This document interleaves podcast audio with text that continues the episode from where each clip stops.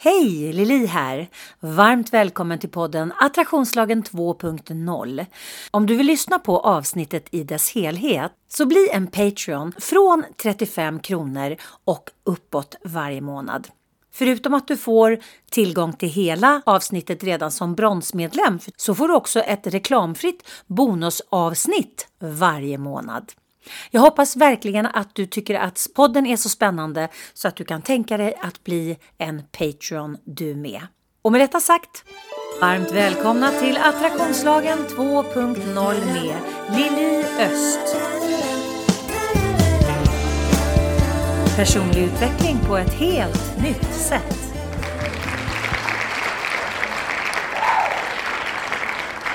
Varmt välkommen till Attraktionslagen 2.0. Det är Lili som sitter bakom mikrofonen idag via Zoom med en kär vän och kollega som har varit här flera gånger som gäst i podden och som alltid alltid kommer vara välkommen tillbaka, nämligen Elisabeth Winberg Hörn. Varmt välkommen Elisabeth!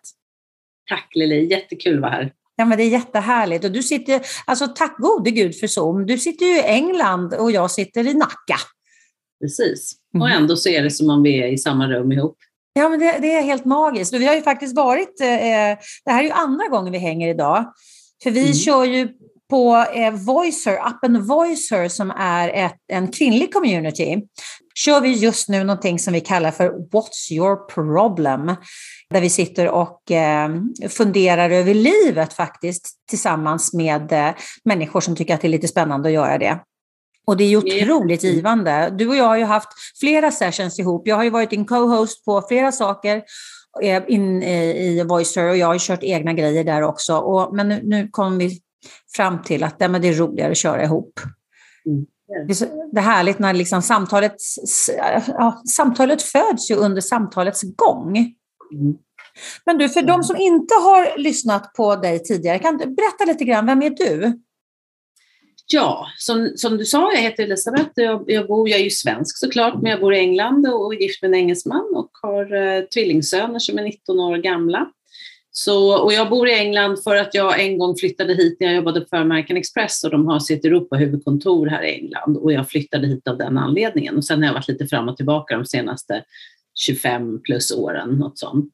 Men jag jobbar som, eh, om jag skulle sammanfatta det skulle jag kalla mig själv för en, en ledarskaps och kulturstrateg, men också en väldigt praktisk strateg. Det vill säga jag jobbar med företag, ledare, individer, team för att skapa bra möten, interaktioner folk emellan, samarbete, kommunikation, att liksom forma en kultur i företag som gör att folk tycker att det är kul, meningsfullt och eh, växande att komma till jobbet helt mm, enkelt. Mm. Och med det jobbar jag med företag runt om i världen. Jag har drivit mitt eget företag i 20 års tid och jobbar med alla möjliga olika branscher, olika länder och allt möjligt. Jag är också väldigt intresserad i kulturella skillnader länder emellan. Så jag spenderar rätt mycket tid att fundera på vad är det som är skillnad där och hur behöver man tänka när man ska skapa samarbete över gränserna med andra länder och andra kulturer, vilket jag tycker är en fantastiskt spännande fråga också. Ja, men absolut. Och sen är ju du faktiskt eh, prisbelönt eh, författare, ej att förglömma. Ja. Precis, så jag har skrivit tre böcker så långt, eller tre och en halv. Eh, den halvan är ju såklart inte publicerad ännu. Men jag har skrivit tre böcker ihop med en kollega och god vän till mig som heter Mandy Flint. Och de två första var uttalat om team och den första var ju i, eh, i storyformat, alltså skriven som en roman. Och jag vet att du tyckte den var extra kul som, som format, för den handlar ju om ett team efter en sammanslagning och vad som händer med dem under ett års tid och frustrationen hos ledare som dessutom skriver dagbok om hur han upplever att allting går. Väldigt kul att skriva var ju den måste jag säga. Um, och vi har skrivit Ja, och vi har skrivit halva nästa bok i den serien. Men där fastnade vi, för vi blev sen ombedda att skriva lite mer vanliga ledarskapsböcker för ett stort förlag och det ville vi inte tacka nej till såklart. Mm. Så nu har vi skrivit två böcker till och den senaste heter då The Leaders Guide to Impact. Och faktum är, jag såg idag nu att nu ligger vi i topp 50 i professional development eh, sektionen på Amazon med den boken, vilket är superkul. Wow, grattis! Gud vad roligt. Men The Team Formula som är min absoluta favoritbok, eh, ja, den, den, väntar jag ju liksom, jag väntar ju på uppföljningen. Ni lämnade ju oss läsare med en cliffhanger av, av eh, höga, stora mått.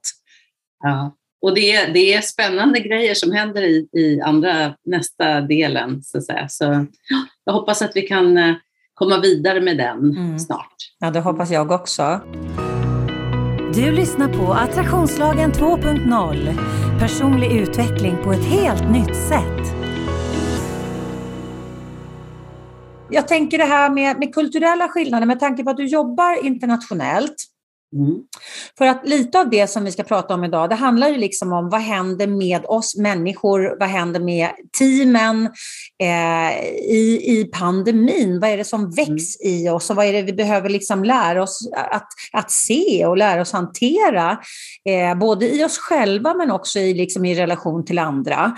Men mm. med tanke på att du jobbar så mycket gränsöverskridande i hela världen, kan du se några outtalade eller uttalade kanske, eh, differenser.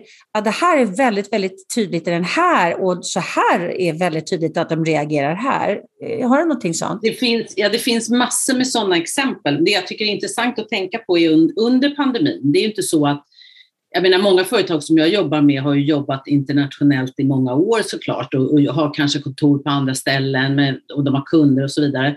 Men under pandemin så har det blivit mer, kanske mer internationella kontakter som har varit möjliga för att man inte längre behöver resa någonstans för att knyta band och så vidare. Mm. Så att det har varit mer, eh, folk har förlitat sig på att man ska kunna kommunicera online och Zoom och Teams och, och allt möjligt. Och, och där kan man ju då ibland kanske missuppfatta kulturella skillnader och inte helt kanske se skillnaderna som är på riktigt samma sätt. För man tror att alla, alla hinder till samarbete är borta borta när man kan så att säga, mötas online. Mm. Men vi har så olika vanor och vad vi värderar och vad vi tror är viktigt. Så ibland så, så kan det skapa missförstånd och problem och konflikter för att man inte förstår de skillnaderna.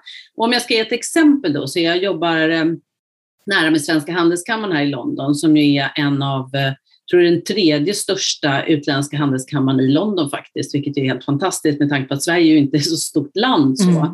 Men där jobbar jag, så varje gång, de har ofta företag från Sverige som vill komma in i England på olika sätt och då är jag med och föreläser just de kulturella skillnaderna mellan Sverige och England. Och om man tittar på det specifikt så kan man ju konstatera att det finns en hel del skillnader som man ibland inte tänker på, för man tänker att ja, men våra länder är ganska nära varandra och svenskar gillar England och, och tvärtom.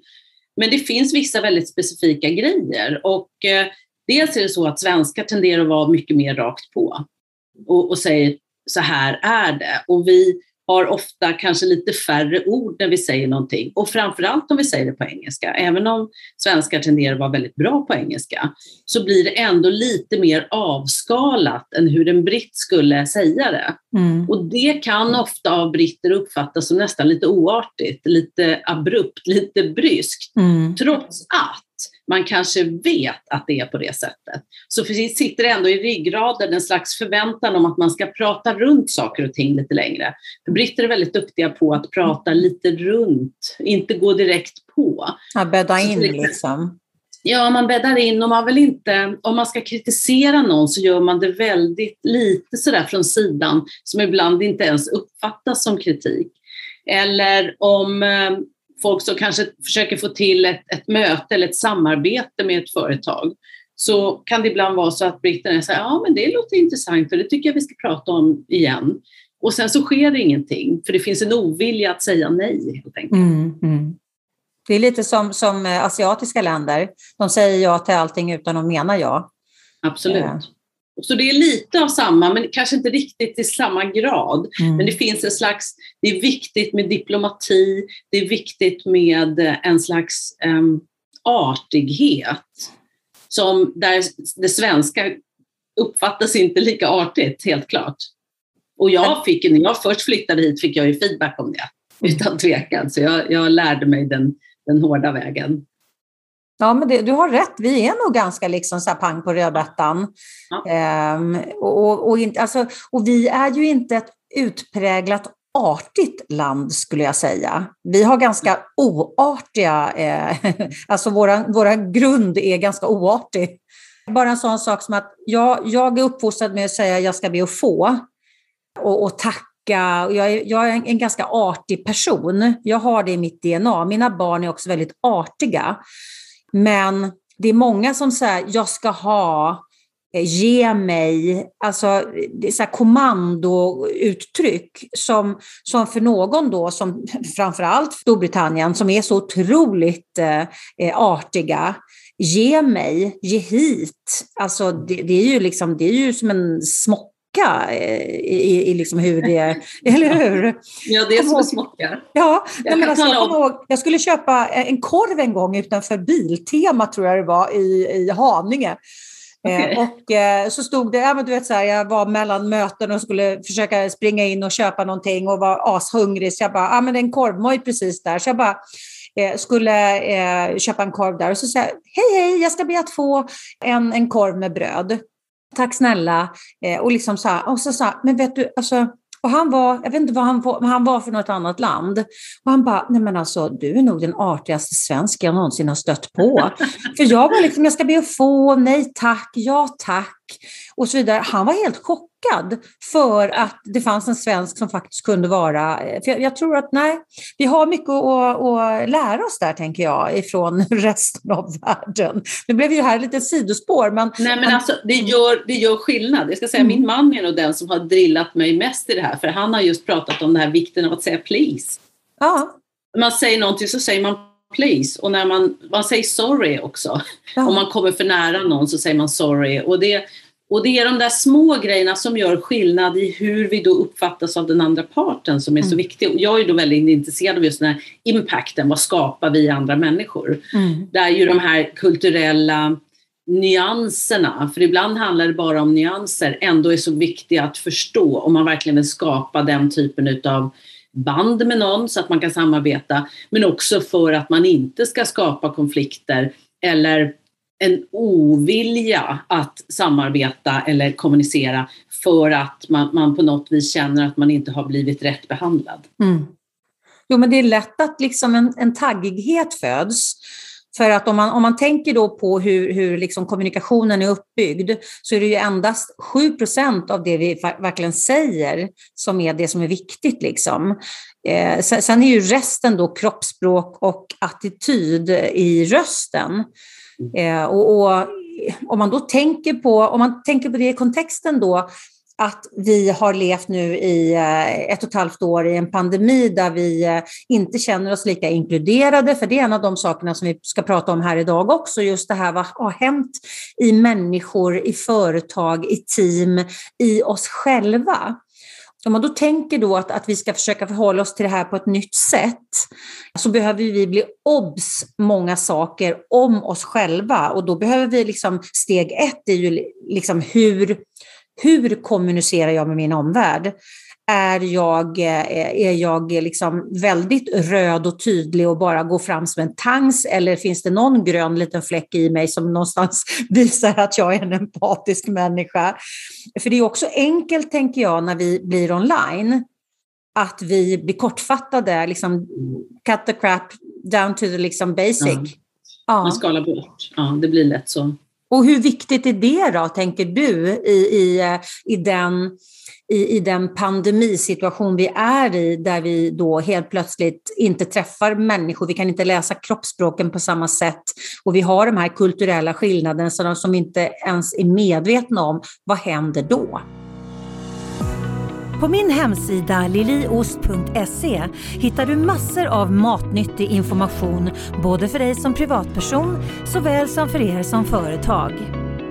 Du hittar mina onlinekurser och vad som är på gång och aktuellt just nu. Du kan köpa mina böcker och få dem signerade och du hittar min musik, bland annat vignettmusiken till podden. Och under fliken gratis har du nedladdningsbara pdf och minikurser som kan hjälpa dig att lyfta ditt liv och teamet till en ny nivå. Mm.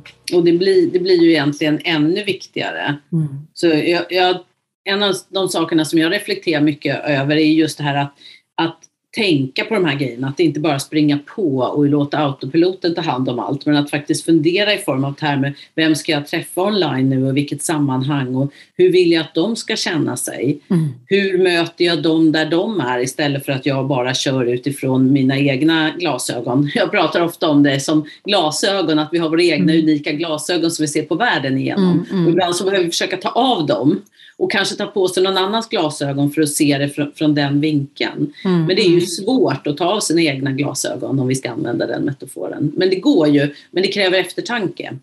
Och en vilja, tänker jag. En vilja Absolut. att vilja eh, försöka sätta sig in i hur mottagaren tar emot det jag sänder.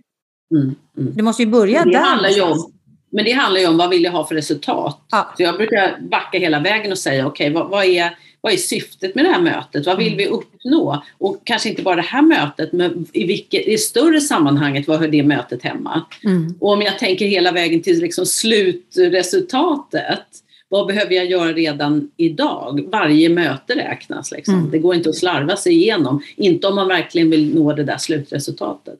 Nej, Nej, jag tänker att det är, liksom, det är samma sak som i en, en, vilken relation som helst.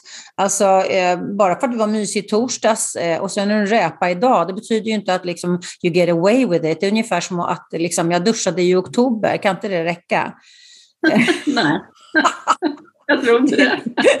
det är en färskvara kan man ju tycka. Ja, absolut, absolut. Men jag, jag en av, jag vet inte, som en metafor, men jag brukar beskriva det ibland som att Tänk hur världen skulle se ut om vi bemötte varje människa som om de var vår kund. För ofta så har vi, när vi har kunden i åtanke, alla har ju en kund på något sätt, någon som man gör någonting för, någon som köper det jag säljer. Och om vi, om vi bemötte alla människor som om det var vår kund, tänk hur världen skulle se ut. Mm. För det är ju sällan vi är liksom korta och snäsiga eller inte har tid för vår kund. Och, och, det här kan jag tycka ibland inom team, om man tänker om man jobbar i en företag, i en grupp, hur det nu ser ut. Tänk hur fantastiskt det blir när vi börjar se på våra kollegor som kunder. Och tänker att för den här människan, eh, jag vill leverera en service till den här människan som gör att de har chansen att göra sitt jobb bättre. Mm. Och så vidare och så vidare. Det blir en slags knock-on effekt om vi verkligen kan tänka på det i de termerna. Och så mm. tycker jag egentligen att det är. Alla människor som är i vårt liv är ju på något vis en, en kund till oss om vi väljer att titta på dem så. Ja, men precis. Och vi är ju hela tiden en ambassadör för vårt företag. Företaget Jag eh, är ju jag en ambassadör för i, i liksom varje möte. Men jag, jag, tänker det här med att om, om, att se alla som kunder, det, är inte riktigt, det håller inte riktigt hela vägen ner. För att det, är, det håller om du har ett ansvar gentemot det företaget du jobbar för eller det företaget du är. Men om man mm. tittar till exempel, alltså jag kan hitta nio och en halv av tio exempel eh, ute i eh, till exempel restaurang och handel. Mm. Som Absolut. fan inte använder liksom den, eh, den liksom utgångspunkten, Nej. utan de Absolut. är ganska nonchalanta mot sina kunder och mm. tycker whatever. Mm. Eh, och, och, och den, den inställningen är ju helt eh, förkastlig. Ja men absolut, och dessutom väldigt tråkig för den personen själv ja. som ju då inte har den upplevelse som de själva skulle kunna ha om de tittade på folk på ett annat sätt.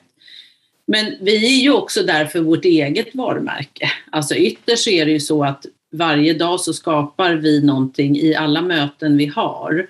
Och det är ju inte så att vi alltid 100% får det rätt varje gång, att det alltid liksom blir jättesmidigt. Men vi har ju en möjlighet varje gång vi träffar någon att faktiskt skapa bästa möjliga eh, förutsättningar mm. för mm. eh, en god relation, god kommunikation, gott samarbete. Mm. Om vi tänker på det på det sättet. Ja, men det är vi kan switcha ju själva i hjärnan om vi väljer att titta på det på det sättet. Men alla har ju ett val där. Mm. Och vi fattar olika beslut om det. Men, men jag tänker att det är många som inte ens ser att det är ett val. De har liksom Nej. inte, eh, alltså, jag kan tänka i alla fall så. Eh, sen kanske jag försöker skapa förmildrande omständigheter för folk som har väldigt mycket otur när de tänker. men, men, ja, jag älskar det, det är så bra. Men, ja. men för jag tänker att om man då är en sur, snäsig person som är helt ointresserad av det man gör och vad man sänder runt omkring sig. Det är precis som du säger, hur fan kul har man? Ja, men man har ju inte roligt alls, för man har fullt sjå med att vara irriterad. Så det finns liksom inte plats för något annat. Liksom, det finns ju ingen plats för party där. Liksom. Men, mm. men de tänker jag förmodligen inte tänker att mitt sätt att förhålla mig till det här är ett val. Mm. Jag har ett val hur jag möter dig som människa. Jag har ett val hur jag väljer att fokusera. Jag tror att väldigt, väldigt många människor inte ens ser att det är ett Nej, val. Jag håller med. Jag håller med om det. Men jag tycker att nästan den viktigaste grejen i det är ju att värdera sin egen tid så mycket. Mm. Så att faktiskt tänka varje, varje timme i mitt liv är av betydelse. Mm. Hur kan jag se till att jag lever varje timme på ett sätt som ger mig någonting som jag känner att jag kan känna mig stolt över. Att verkligen ja, vara schysst nog mot sig själv att mm. se till att man värderar sin tid helt enkelt. Mm, mm. Det var väldigt bra, eh, bra infallsvinkel. För det, det, handlar ju till syvende och sist om, liksom, om jag har 24 timmar på ett dygn, ska jag lägga då, säg att jag, eh, jag liksom sover åtta timmar då, i bästa fall. Jag vill inte, det är inte så ofta jag sover åtta timmar, men någonstans i, i häraden. Bra ambition. Ja, min ambition, precis. Men, men ska jag då leva liksom i resten av de eh, timmarna som, som liksom når upp till 24 timmar då, ska jag leva dem på ett sätt som ger mig en skitkänsla i magen? Alltså hur smart mm. är det? Det är jättemånga som säger till mig så här, jag fattar inte hur du kan vara så glad jämt Man kan inte vara så där glad som du är hela tiden. Jag bara, jo, det kan man visst det. För det väljer jag att vara. För det väljer liksom, jag har ju bestämt mig för hur jag ska förhålla mig till saker. Eh, för att, att jag vill ha den bästa känslan i magen. Det betyder inte att jag inte råkar ut för, för situationer eller, eller liksom personer som, som gör att jag får en skitkänsla i magen. Men den största delen av min vakna tid är jag ju glad och tillfreds. Och det, och det är inte för att jag har ett enkelt liv. Alltså jag är lika drabbad som alla andra eh, i livet liksom. Och, och, eh, och framförallt i pandemin och, och sådär. Men, men hur förhåller jag mig till det? Det är ju den springande punkten tänker jag. Mm. mm. Och, och det är ju som du säger, det är ju någonting som alla har möjligheten att bli medvetna om, men, mm. men, vi kanske inte är det från början. Och ibland är det någonting då som sker som gör att vi plötsligt blir medvetna och tänker, nej men vänta nu, jag har faktiskt ett val här. Mm. Jag kanske inte hade tänkt på det i de termerna så långt, men, men jag har ett val. Mm. Jag har faktiskt ett val. Um, och det är en ganska häftig känsla när den dyker upp. Sen är ju inte alltid det helt lätt. Det kan ju vara vissa dagar där man känner att nej, idag har jag faktiskt lite svårare mm. att tycka att, att äh, det som händer är värdefullt eller vad det är för någonting. Men då får man jobba lite till eller så får man ta det, okej okay, idag blev det inte riktigt så som det brukar vara. Men jag kör imorgon igen. Ja, precis, att man går upp i acceptans. Just nu är det så här, imorgon är en annan dag. Ja, men jag tänker också det vi pratade om idag tidigare den här i, i What's your problem och som just det här med det som händer människor emellan och konflikter och det som vi upplever som problem kanske i, i, på jobbet eller privat. Så, så mycket av det handlar ju om att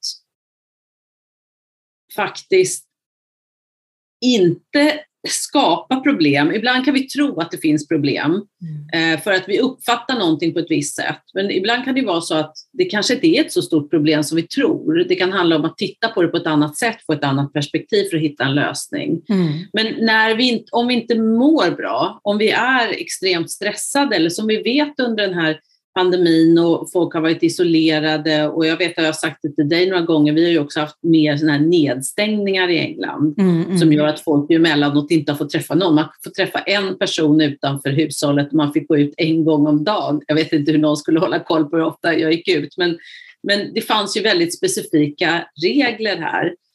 Eh, och jag tror att många upplevt det här att vi har inte riktigt haft samma relationer som vi kanske hade innan. Vi har mm. haft svårare att träffas på det sättet vi vill Och folk har känt sig isolerade och folk har kanske jobbat mer än de borde för att de är hemma ändå och de liksom sparar in på åktid och allt vad det kan tänkas vara.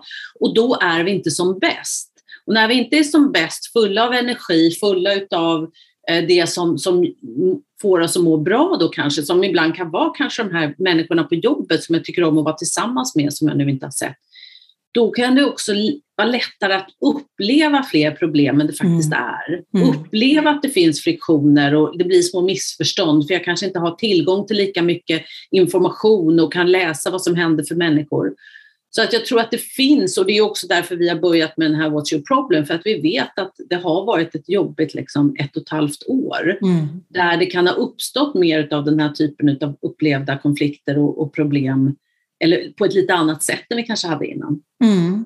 Och där tänker jag också, för jag menar, vi, många är ju inte riktigt medvetna om att man går omkring kanske med en, liksom en latent rädsla, eftersom vi är ju trygghetstörstande vi människor eh, i, i vår natur, vilket gör att de flesta av oss tycker ju inte om eh, osäkerhet. Och, och, den, alltså även om man inte liksom är medveten, oj, nu känner jag mig lite wobblig för att jag tycker att det är jobbigt att det är osäkert. Utan man, man är bara sin känsla, man reagerar utifrån en annan typ av känsla. Och, och är man inte medveten om det, då vet man ju inte heller, liksom, vänta nu här, jag kanske överreagerar nu på grund av att det ser ut så här och så här i min känslopalett. Mm. Eh, är man inte medveten om den och så kanske man springer lite extra fort för att man har varit tvungen att, att sakta ner. Och då börjar man höra saker inne i sig själv som man absolut inte har liksom signat upp för att lyssna på. Och då kanske man börjar peta in massa andra prylar för att man ska slippa lyssna på den här skiten eh, som vill komma upp, typ själen, som vill göra sig... som vill komma upp och göra, liksom, ta lite plats. Och, och, är man inte medveten om de här processerna som faktiskt jag tror pågår inom väldigt, väldigt många människor, då vet man inte heller att man har förändrat sin utgångspunkt i sin reaktion. Behöver du hjälp att sortera i ditt liv? Läs mer på liliost.se. Och här tror jag vi har jättemycket att lära, både om oss själva och om varandra. Och att mm. liksom, det kanske är så att vi behöver ta ett litet steg tillbaka i dömandet. Mm. Eh, av andra människor. Att, att liksom det krävs, eh, situationen tarvar mer förståelse. Just mm. för att vi alla går omkring liksom kanske lite i limbo. Eh, mm. och, och, och, är affekterade av... av eh, Alla är lite kantstötta på, ja. på sitt eget sätt. Ja, men precis. Mm. Precis.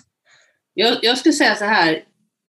Det är väldigt ovanligt, i min erfarenhet är det väldigt ovanligt att folk menar att vara jävliga. Ja, men jag tror hur? verkligen att folk mm. gör det bästa de kan i en given situation. Jag tror mm. att vi alla gör det. Ja. Men vissa dagar, och speciellt när det har varit som den här perioden av stressande eller osäkert på olika sätt, ja då kanske vi inte är på vårt bästa.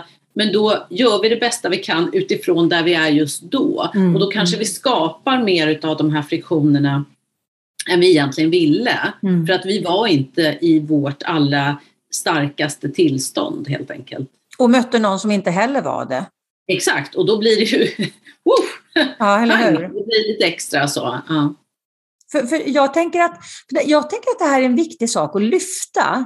För mm. att ju mer vi pratar om det här, desto mer kanske vi får någon typ av förståelse, både för oss själva och våra reaktioner, men också för våra liksom, partners eller, eller kollegor eller barn eller vänner.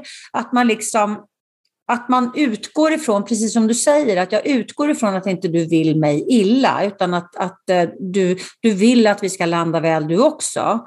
Så mm. hur kan vi landa där? Eh, alltså där kan man ju verkligen behöva jobba med kvittenser. Du, när du säger så så uppfattar jag det så här, vad är din intention? Mm. Nu mer än någonsin kanske vi behöver få in ett kvittenstänk i våra relationer, oavsett vad det är för typ av relation. Mm. Just för att liksom, vänta nu här, jag lyssnar med lite kantstötta öron och du kommunicerar med lite kantstött mun. Eh, ja, men eller hur? Det, det, blir ju låg, mer lågfrekvent än det kanske har varit tidigare.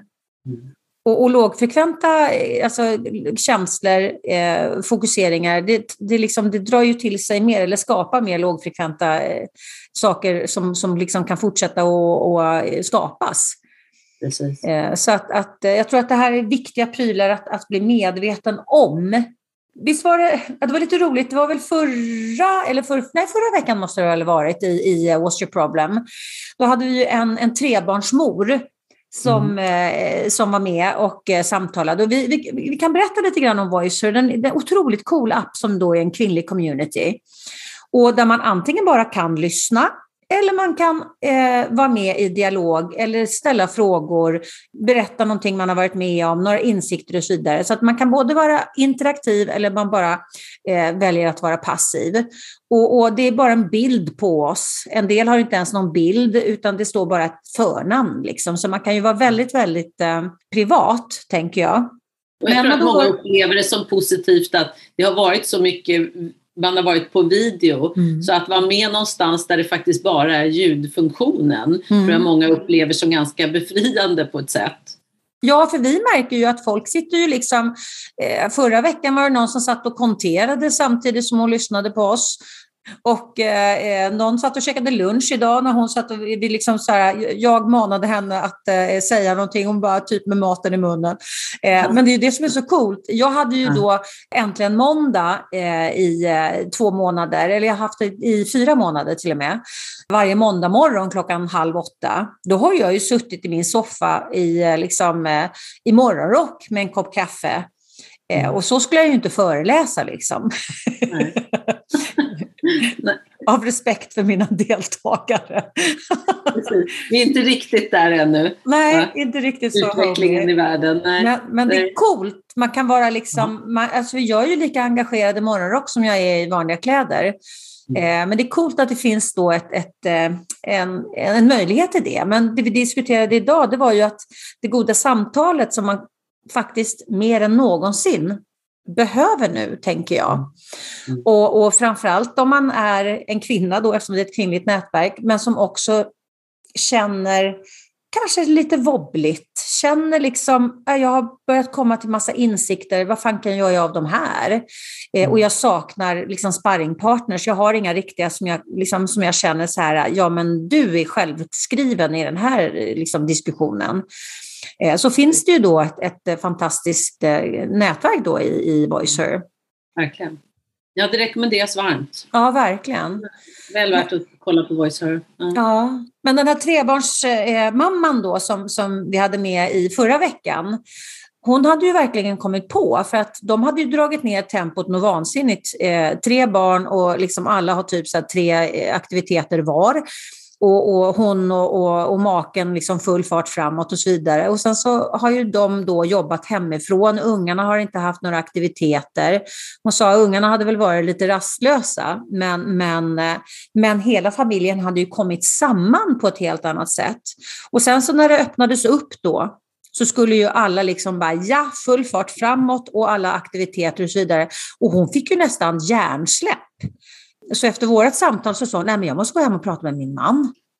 Alltså vill vi ha det här? Mm.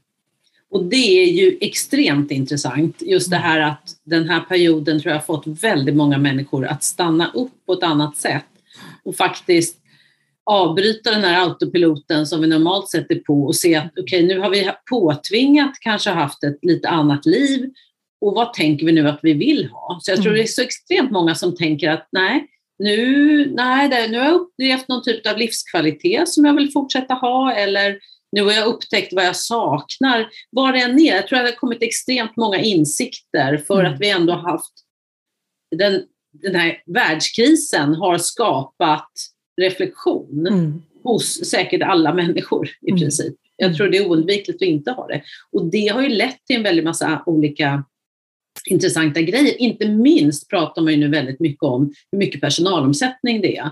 Och det pratas ju om som the great resignation och the great attrition. Att, eh, jag tror jag såg någon, en studie från McKinsey nyligen som man hade då tittat på ett antal olika länder runt om i hela världen. där man intervjuar intervjuat folk och konstaterat att ungefär 40 procent av människor är eh, eh somewhat likely att byta jobb i närmsta tre till sex månaderna och att två tredjedelar av dem skulle göra det utan att ha ett nytt jobberbjudande.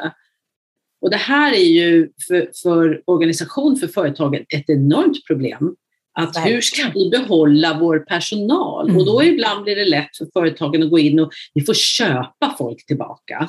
Att man börjar fundera på, okej okay, vi ger mer lön, vi ger, man försöker göra det som en slags transaktion när man köper folk tillbaka.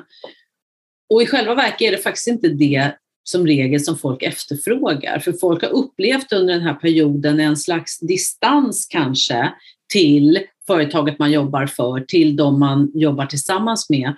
Man eftersöker en större känsla av tillhörighet. Man vill mm. vara del av någonting. Man har känt sig ensam i det här, även om man liksom ständigt är på Zoom eller Teams eller något med andra människor, så har man känt sig ensam och det har inte känts lika betydelsefullt kanske det man har gjort. Mm. De första månaderna när krisen startade förra våren, då tror jag alla kände det de gjorde var enormt meningsfullt, för då hade man en, en akut kris att lösa. Men när det var över så har det här liksom efterdyningarna blivit mindre engagerande, mindre känsla av tillhörighet, mindre känsla av att eh, kanske vara värderad utav företaget som man jobbar för. Och om man då mm. bara blir tillbakaköpt så känns man mer som en pryl som köps snarare än att det är någon som faktiskt verkligen vill ha en där för att man har något värdefullt att, att bidra med.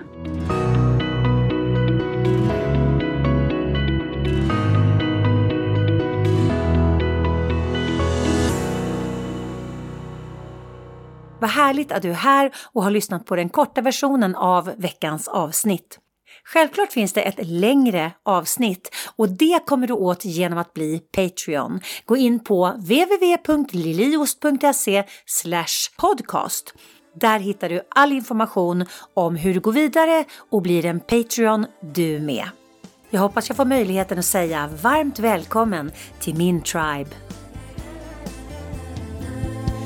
Tänk efter lite grann. Hur har du det omkring dig nu? Är du nöjd? Är du nöjd med det du har? Var är du i ditt liv? Har du funderat på att ta ett annorlunda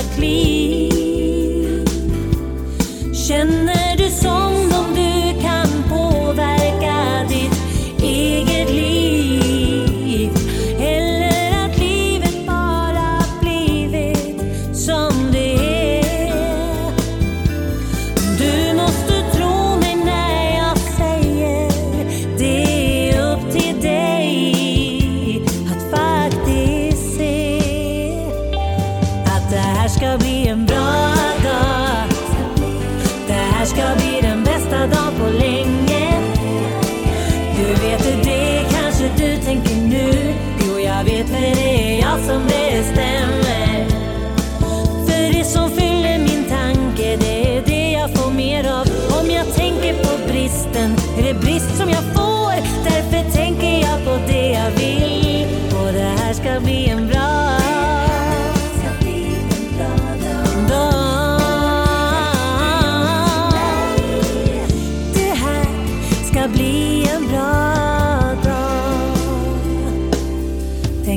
lite grann.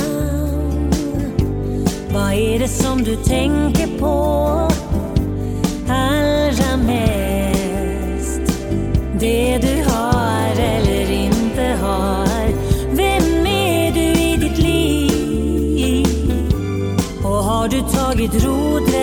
eller driver